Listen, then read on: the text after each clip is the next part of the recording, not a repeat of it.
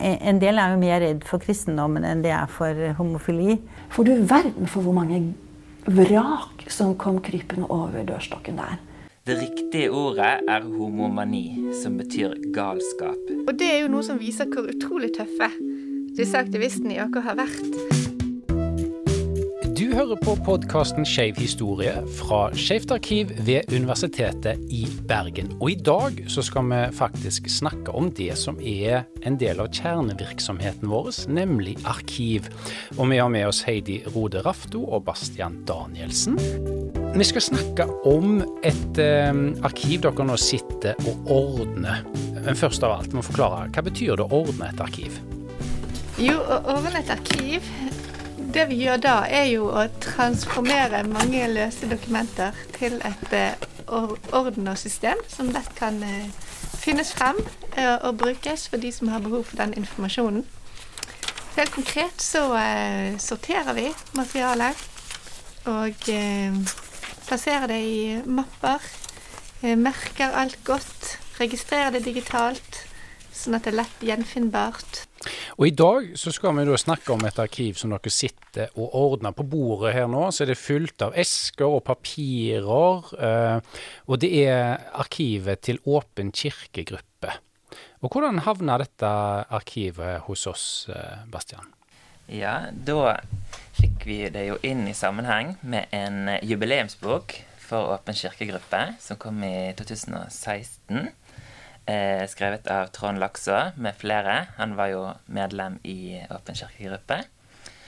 Eh, og når han skulle skrive denne jubileumsboken, så samlet jo han inn masse materiale. Og eh, det fikk vi da overført til oss etter dette jubileet. da. Men når vi tenker på mengde, altså hvor stort er dette arkivet etter Åpen kirkegruppe? Eh, det er vel rundt syv hyllemeter vi har her. Eller åtte, kanskje. Eh, og det er arkivmateriale som ikke har kommet fra én sentral kilde. Altså Åpen kirkegruppe hadde ikke et, et arkiv i sin helhet. Eh, så Trond Lakså har gjort en fantastisk jobb med å innhente materiale fra tidligere styreledere og andre som har ting liggende hjemme på luft og kjeller, og samlet det da til et arkiv. Men vi kan jo òg benytte anledningen nå til å bli litt mer kjent med Åpen kirkegruppe. Ehm, hva er historien eh, bak denne? Ja, altså Åpen kirkegruppe de ble stiftet i 1976. Det var omtrent fire år etter at eh, straffelovens paragraf 213 om homofili ble fjernet. Um, og vi har jo en stor mengde presseklipp i ÅK-arkivet. Men bare sånn for å illustrere litt det historiske landskapet ÅK ble til i, så fant vi et sitat fra en biskop som var på trykk i eh, norske medier året etter straffeloven ble opphevet. Så jeg har bare lyst til å lese det, et sitat derfra, for det er jo ganske beskrivende. Eh, så denne biskopen han uttalte seg om at det riktige ordet er homomani, som betyr galskap. De homofile er gale. Djevel er mer aktiv enn noen gang. Um, så det er ikke så overraskende da at de fleste i eh, DNF hadde lite til overs for kirken, og det den representerte da av undertrykkelse. Um, kirken ble gjerne sett på som homobevegelsen sin store og umulige motstander. Um, Åsmund Robert Wiik han var medlem og eh, leder i DNF. Og det som er interessant her, er at han var også katolikk. Og han beskrev det gjerne som at han måtte komme ut to ganger. Både som homofil og deretter som en homofil kristen. Og så på, Utover på 70-tallet så kjente han på en eh, følelse av at man trengte et kristent homofilt miljø. Og om dette skulle skje, så måtte jo noen være de som gikk foran for dette. Og da eh, søkte Åsmund bl.a. inspirasjon fra grupper som allerede eksisterte i England. Og Vi har jo òg intervjua eh, Åsmund Robert Wiik, og her er et lite klipp om eh, hvordan eh, det første møtet kom til. Det var et medlemsmøte da jeg var leder av DNF48, som handlet om kirken og homofili, og det var vel n-te gang det temaet var oppe. Hva diskuterte man da? Hvordan skulle man forholde seg til Kirken? Og øh, konklusjonen var som regel meld deg ut. Kirka er en umulig uh, samtalepartner. Det går ikke an å bevege den institusjonen der. Men jeg skulle holde innlegg på dette møtet. Og det som var nytt, var at det innlegget ble holdt av en som selv hadde personlig interesse i saken.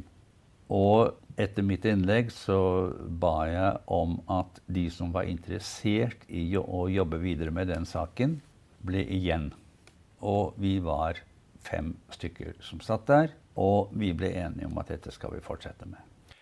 Så da hadde de klart å få organisasjonen på beina, og hvilke oppgaver tok de fatt på da? Ja, altså aller først så var de jo eh, helt fra starten enige om arbeidsgrunnlaget, da. Eh, de skulle være et tverrkirkelig fellesskap. Um, og den første oppgaven som, gjerne, som, de gjerne beskriver som sto for tur, det var at de ville finne en, en såkalt vennligsinnet prest. Uh, og det ble da i form av sykehuspresten Per Harry Andersen på Ullevål sykehus. Per Harry han eh, hadde i 1975 vært en av de første prestene i Norge til egentlig det som snakket positivt om homofili. Men han var eh, spent første gangen han skulle møte Åpen kirkegruppe. For det, han har sagt sjøl at han hadde aldri møtt en homofil før. Så det, det, skulle jo bli noe nytt for han, da. Men også enkelte fra Åpen kirkegruppe eh, var òg ganske spente. For det at eh, de var på en måte sterkt preget av å endelig på en måte skulle få så nær kontakt med en prest som gjerne hadde representert for de en motstander av eh, den de var. Eh, og kjemien den ble jo veldig god mellom eh, Per Haré og gruppen, og det ble starten på et godt og langt samarbeid. Mm. Vi har òg eh, tatt en prat med ei eh, dame som heter Åse Prøyts, og Hun eh, ble jo etter hvert veldig sentral i Åpen kirkegruppe. Men hun forteller om den aller første gangen hun eh, kom på et møte. Eh, og da var hun ikke fullt så positiv eh, etter det. La oss høre litt på det. Så kom jeg til den kirkekaffen og opplevde å bare bli sittende mutt putt alene på et tomannsbord midt i Paulus menighets Eh, sal. Det var skikkelig nedtur. Og da visste jeg med meg selv da jeg gikk derfra Ingen som snakket med meg. Og da visste jeg med meg selv da jeg gikk derfra at nå har jeg to valg. Nå kan jeg enten eh, gi opp dette prosjektet og bare la det liksom gå sin gang. Eller jeg kan være litt mer aktiv, og så kan jeg eh, forsøke å se om det er mulig å slå gjennom denne siste muren.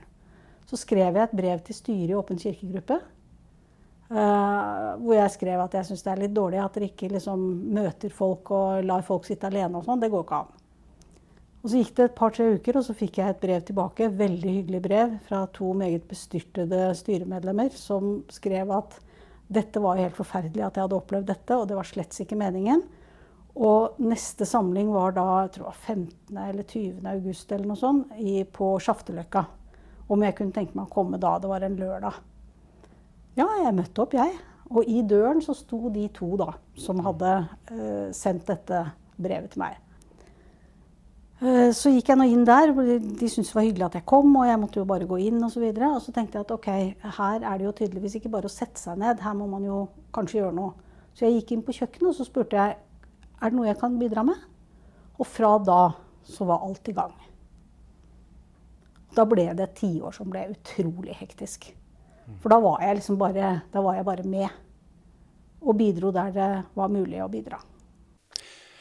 Og Åpen kirkegruppe var jo veldig opptatt av å vise verden at de både var homofile og kristne, eh, og prøvde å markere seg der de kunne. En av gruppens første store oppgaver var jo å få liv i det utvalget biskopene hadde utnevnt tre år tidligere for å ta opp homofilispørsmål i kirka, men som de homofile ikke var invitert til å delta eh, på. Eh, og en annen eh, arena de gjorde seg synlige på, Heidi, det var bl.a. på kirkedagene. Ja, det stemmer. I 1982 f.eks. ønsket Åpen kirkegruppe å delta med en stand på kirkedagene i Trondheim, men de møtte veldig mye motstand. Misjonsorganisasjonene, søndagsskoleforbundene, kristne aviser som Vårt Land protesterte høylytt. Eh, og det var ikke bare det at de var uenige med det Åpen kirkegruppe sto for, at de kunne tenke seg å oppsøke denne boden og diskutere ulike standpunkter. Nei, de ønsket ikke at Åpen kirkegruppe skulle få lov til å være til stede i det hele tatt. Men OK, de ga seg ikke, og et par dager før arrangementet så fikk de ja til å komme.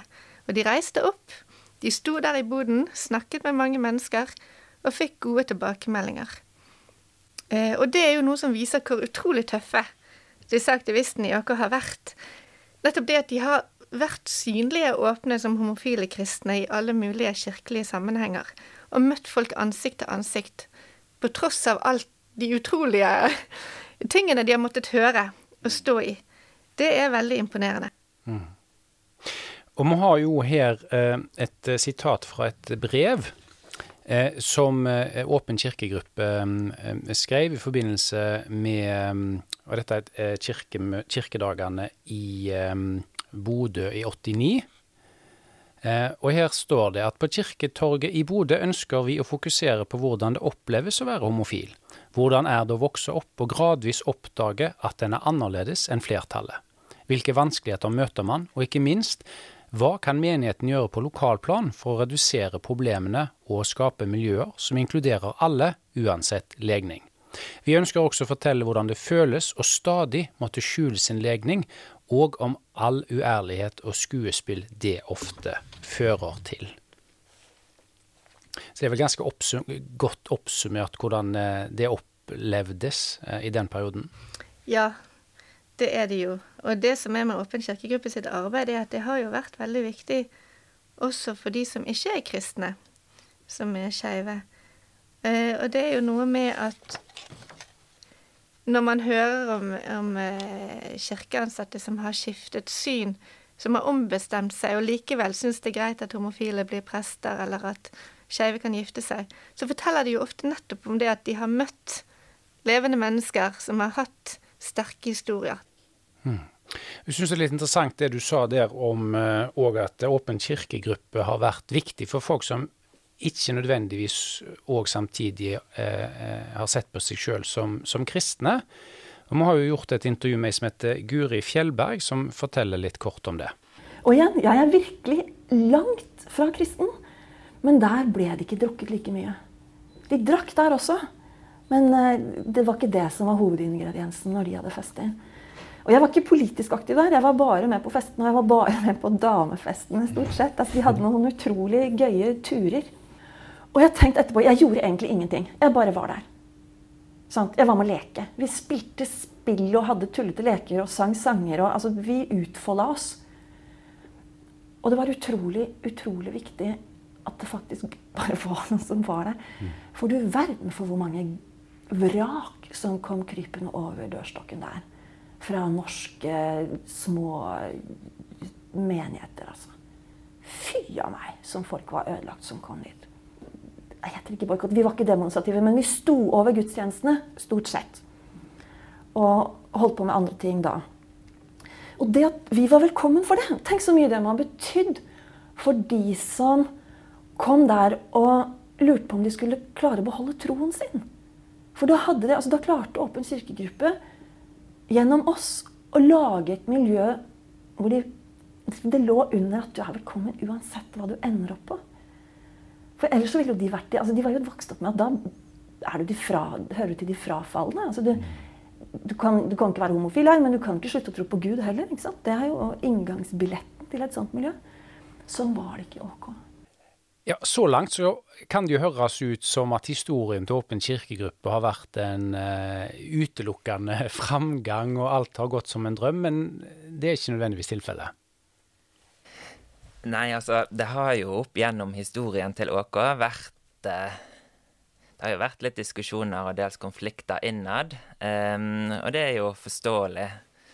Med mange medlemmer og kanskje litt ulik Kanskje ÅK betydde ulike ting for ulike medlemmer. Det kunne gjerne være litt uenighet om skulle man på en måte prøve å fremstå sånn utad, da. Skulle man virke så liksom respektable, pene og dannede, eller skulle man kjøre en mer sånn aktivistisk linje, da? Og dette kan jo trolig ha vært inspirert av eh, DNF sin respektabilitetslinje, som man gjerne kjørte tidligere, da på 50-tallet. For, for OK så var jo det for mange en frihavn. Sant? Det var eh, et sted der man kunne være seg sjøl. Mens for andre i gruppen så kunne det på en måte være en plattform for å kjempe for saker man trodde på. I 1984 da ble jo OK mye mer synlig. Da ble man representert i Europeisk forum for første gang. Og dette var en uh, sammenslutning av skeive grupper i, i, hele Europa. Uh, og da ble ÅK lagt positivt uh, merke til som den første gruppen fra Skandinavia. men allerede her så jo man litt mer den aktivistiske, mer synlige linjen. på årsmøtet samme året så ble det valgt ny leder i ÅK, Ole Fredrik Einarsen. Han var jo allerede kjent i media, og eh, han var opptatt av dette å føre en aktivistisk linje. Han jobbet òg mye sammen med Kim Friele, så det er jo sannsynlig at han var noe påvirket av hennes mer konfronterende linje. Eh, det ble f.eks. store medieoppslag da han brått trakk seg fra en samtalegruppe med bl.a. Oslo-biskop Aarflot. Og eh, Aarflot han har jo gjerne blitt sett på som en hovedmotstander for eh, eller mot ÅK. Så i avisen i september 1985 så kunne man lese at det var brutt ut krig mellom Oslo-biskopen og de kristne homofile. Så dette var jo ikke så veldig populært innad i ÅK, da, at eh, at Ole Fredrik hadde trukket seg fra denne samtalegruppen. Dette er bare ett eksempel på mediedekning. Eh, men det har jo egentlig vært mye medieoppmerksomhet rundt ÅK hele veien. Og vi har jo masse presseutklipp i dette arkivet som viser eh, til ulike saker. Så det er veldig spennende å sette seg inn i. Men Heidi, i eh, ÅK, hvem var det egentlig som var mest synlig, og som kom mest fram? Er det rimelig å anta at det var mennene her òg, at eh, kvinnene kom litt i bakgrunnen? Ja, det stemmer. Kvinnene var i mindretall i Åpen kirkegruppe, og følte seg nok litt usynlige i mange sammenhenger. Så helt fra tidlig av så ble det laget en egen kvinnegruppe. Eh, og det var jo noe med å slippe å være minoritet. Lesbiske var minoritet i kirken, og de var en minoritet som kvinner innad i Åpen kirkegruppe. Men i kvinnegruppen så hadde de et fellesskap der de slapp å, å kjempe for å bli, bli sett og hørt. Og den gruppen var viktig på mange måter. Og damene i Åpen kirkegruppe har jo vært pionerer. Eh, eksempel var de to første i Norge som, ble, som var åpne, homofile eller lesbiske, og ble ordinert som prest. Det var to damer. Eh, Hilde Råstad i 1995 og Sire Sunde i 1996. Og en annen dame som er verdt å nevne, det er Randi Solberg. Hun eh, har redigert en bok som heter 'La våre stemmer bli hørt'. Eh, det er en bok som forteller historiene til eh, lesbiske kvinner fra hele Europa. Eh, Randi Solberg var aktiv i Europeisk forum, og i to år så jobbet hun med denne boken samlingen. Det er 95 historier her. Det er damer fra 26 ulike land som forteller. Og denne boken har blitt oversatt til flere språk og brukes aktivt Eh, de har vært rundt og holdt foredrag, arrangert seminarer. Boken har vært brukt i undervisning ved Universitetet i Frankfurt. Eh, og denne boken fins òg i Skeivt arkiv sitt bibliotek. Og så har jeg lyst til å ta tak i Hilde Råstad, som du nevnte, som en av disse kvinnene. For vi har jo òg gjort et intervju med henne, og hun forteller litt om eh, hvordan hun opplevde det eh, når hun venta på en avklaring etter kirkemøtet i 95. For det var jo selvfølgelig de samme konfliktene som sto da, om man skulle få lov å være prest når man var lesbisk og samboende. Og på høsten i 1995 så var det stort kirkemøte. De skulle stemme enda en gang om hvorvidt homofile og lesbiske kunne være i kirken og ha et forhold, og hva slags stillinger eller de kunne ha. Da. Og jeg husker vi var i åpen kirkegruppe når den, akkurat det kirkemøtet var over, som var en fredag kveld. Sånn sent på høsten. Og så skulle det da komme folk fra ÅK som hadde vært på kirkemøtet og fortelle hvordan det var gått. Så sto de der, og så vi visste ikke hvordan det var gått. Og så, da skjønte jeg hvordan nesten sånn var folk var i sånn derre Hadde kommet fra krigen eller noe sånt. For de var nesten sånn hvite i ansiktet, og så spurte vi hvordan det gikk, og så sa de Det ble ikke noe særlig støtte for at det var rom for homofile i kirken allikevel. Og så tror jeg det var en som spurte var det ingen som stemte for at vi kunne få lov til å være der og ha et forhold. Og så sa de nei. Og så tror jeg det var en som spurte ikke engang Rosemarie Køhn. Og så sa de nei, ikke engang Rosemarie Køhn stemte for det. Og jeg vet hun etterpå sa at det var en av de tingene hun virkelig angret på. At hun ikke turte å, å stemme for det akkurat da. Så, men da var hun nok under veldig press. Men jeg husker akkurat at de sto der, og vi kjente den der eh, følelsen av ikke, sånn kjempeskuffelse og sånn sinne, sånn blanding av alle de tingene der. Og, så, og jeg husker at jeg var så skuffet jeg var så sint, og så gikk jeg opp og så tente jeg et lys, og så sa jeg det som man aldri skal si i en gudstjeneste, men det var den eneste bønnen jeg kunne komme på da, for da sa jeg faen heller. Men det var det eneste som ga uttrykk for hvor, eh, hvor skuffet jeg var, og hvor, hvor, ja, hvor forferdelig dette kjentes. Og da, da, må man ta i bruk sånne ord som sikkert ikke hører til i en vanlig gudstjeneste. Kirkemøtet i 1995 bestemte at det skulle settes i gang en dialogprosess rundt mange av disse eh, temaene og problemstillingene som Åpen kirkegruppe hadde adressert. Og Det ble lagt ei brosjyre som heter Åpen himmel. Den ble sendt ut til samtlige 1250 menigheter i Norge. Og 100 av disse menighetene de tok kontakt eh, og ba om å få tilsendt enda flere. Og denne eh, dialogprosessen var det jo mange som deltok i. Eh, og en av de eh, heter Rune Skretteberg, og han forteller litt om forventningene før det første møtet. Eh, og også var det denne såkalte dialogprosessen da, som vi hadde lyst til å bidra til. Vi visste kanskje ikke helt hva vi gjorde. For det er klart at det var eh, mye forskjellig erfaring. og det var i mange menigheter stor skeptis, skepsis. Jeg har jo hørt i ettertid at, um, at disse menighetsrådene, da, som, vi, som var det vi ofte snakka med, så så de nok for seg noen kanskje noen, noen eh, skal vi si, noen veldig spesielle personer som kom. ikke sant? Og, veldig outrerte og eh, outspoken og utagerende, for å bruke det ordet. Så, så jeg tror nok noen grudde seg til å møte oss.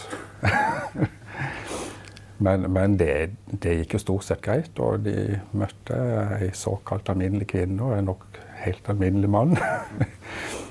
så, så, etter hvert så tror jeg nok at en, som ryktet gikk, at vi inviterte oss sjøl til å snakke med representanter for ulike menigheter. At ja, at de, eh, de senker skuldrene. Eh, altså Trossamfunn utenfor, utenfor, den norske kirke eh, har jo ikke vært i kontakt med. Så, så det er jo um, um, Det er klart at der tror jeg det er et stort stykke igjen å gå. Både her i Agder og ellers i Norge. Så det er jo innenfor norske kirker at det skjer en enorm utvikling i positiv retning. da. Men det har òg vært eh, en såkalt foreldregruppe tilknyttet eh, Åpen kirkegruppe. Det må du fortelle litt om, Bastian. Den eh, kom i 1990. Og den Altså, for eksempel når en forelder fikk vite at en, for en av tenåringsbarna var eh, homofil, så kunne man gjerne ha et behov da for å ha noen å snakke med. Kanskje kunne man ikke så mye om, om dette sjøl. Og da kunne man på en måte trengte man et sted der man kunne komme og finne informasjon om det å være homofil. Kanskje òg treffe andre som var i samme situasjon. Så da kunne foreldre da møtes og snakke sammen og være til støtte for seg sjøl og for, for barna sine, da. Så det var utrolig nyttig for mange foreldre. Og Skeivt arkiv har jo òg fått arkiv fra foreldregruppen. Ja, det stemmer. Vi har et eget arkiv fra foreldregruppen som eh, belyser mer hva de jobbet med. Mm. Og vi har òg tatt en prat med eh, ei dame som heter Gitte Gram Svensson, som var en av de sentrale i denne foreldregruppen. Til å begynne med så var det mye eh, hjelp og trøst og tårer. Ja, men etter hvert så hadde vi jo foredragsholdere. Alle biskopene nesten kom til oss, og alle var veldig velvillige til å komme og være inspirerende på veien for disse andre foreldrene. For mange hadde veldig problemer med bibelstedene da. En del er jo mer redd for kristendommen enn de er for homofili. De som virkelig hadde bruk for oss, det var de som slet med bibelstedene. Så, vi, så mange av de som kom av leg og lærd, eh, hjalp veldig mange foreldre til å få et kjempegodt forhold til barna sine. Og foreldregruppen den er, er, nå lagt ned. Eh, det er ikke noe behov for den eh, lenger, sånn som den var. Og det kan jo være en, en, en god ting. Men eh, Åpen kirkegruppe eksisterer fremdeles, Bastian? Ja, det gjør den. Um, den største avdelingen er jo i Oslo. Men det er òg en aktiv gruppe i Trondheim. Um, de som var i Rogaland og Hordaland, de er ikke lenger aktive. Men vi har òg grupper på Sørlandet, i Vestfold, på Møre og i Troms. Men her er det for tiden lite eller ingen aktivitet, da. Og Heidi, kan ikke du si noe avslutningsvis om dette enorme arbeidet og innsatsen som, som Åpen kirkegruppe har lagt ned? Hva har det ført til av endringer eh, i samfunnet vårt? Det har jo ført til enorme endringer. Så Åpen kirkegruppe er jo en av de organisasjonene som virkelig har vært med å endre norsk politikk og det norske samfunnet. Eh, og rettigheter for eh, homofile og lesbiske. Eksempel det største er jo at eh, nå kan alle gifte seg i kirken. Og det er jo bare noen få år siden det ble det gikk gjennom. Så det er jo noe som Åpen kirkegruppe har jobbet for i tiår etter tiår. Sikkert veldig lenge ikke trodde kunne bli mulig. Og helt til sist eh, så må du jo òg fortelle dette arkivet som nå snart er ferdig ordna. Eh, da er det òg eh, klart til bruk. Hvem kan bruke det, og hvordan kan det brukes framover? Hvem som helst kan bruke dette arkivet. Når det nå er ferdig, så er det tilgjengelig for alle som ønsker å oppsøke denne informasjonen. Og da vil det være mulig å se på på nett en oversikt over hva det inneholder. Og så kan man komme hit til Skeivt arkiv på Universitetet i Bergen og se på arkivet fysisk. Takk til Heidi Rode Rafto og Bastian Danielsen. Jeg heter Bjørn André Vidvei. Du har hørt på podkasten Skeiv historie fra Skeivt arkiv. Husk å abonnere, og vi er snart tilbake med flere skatter fra arkivet.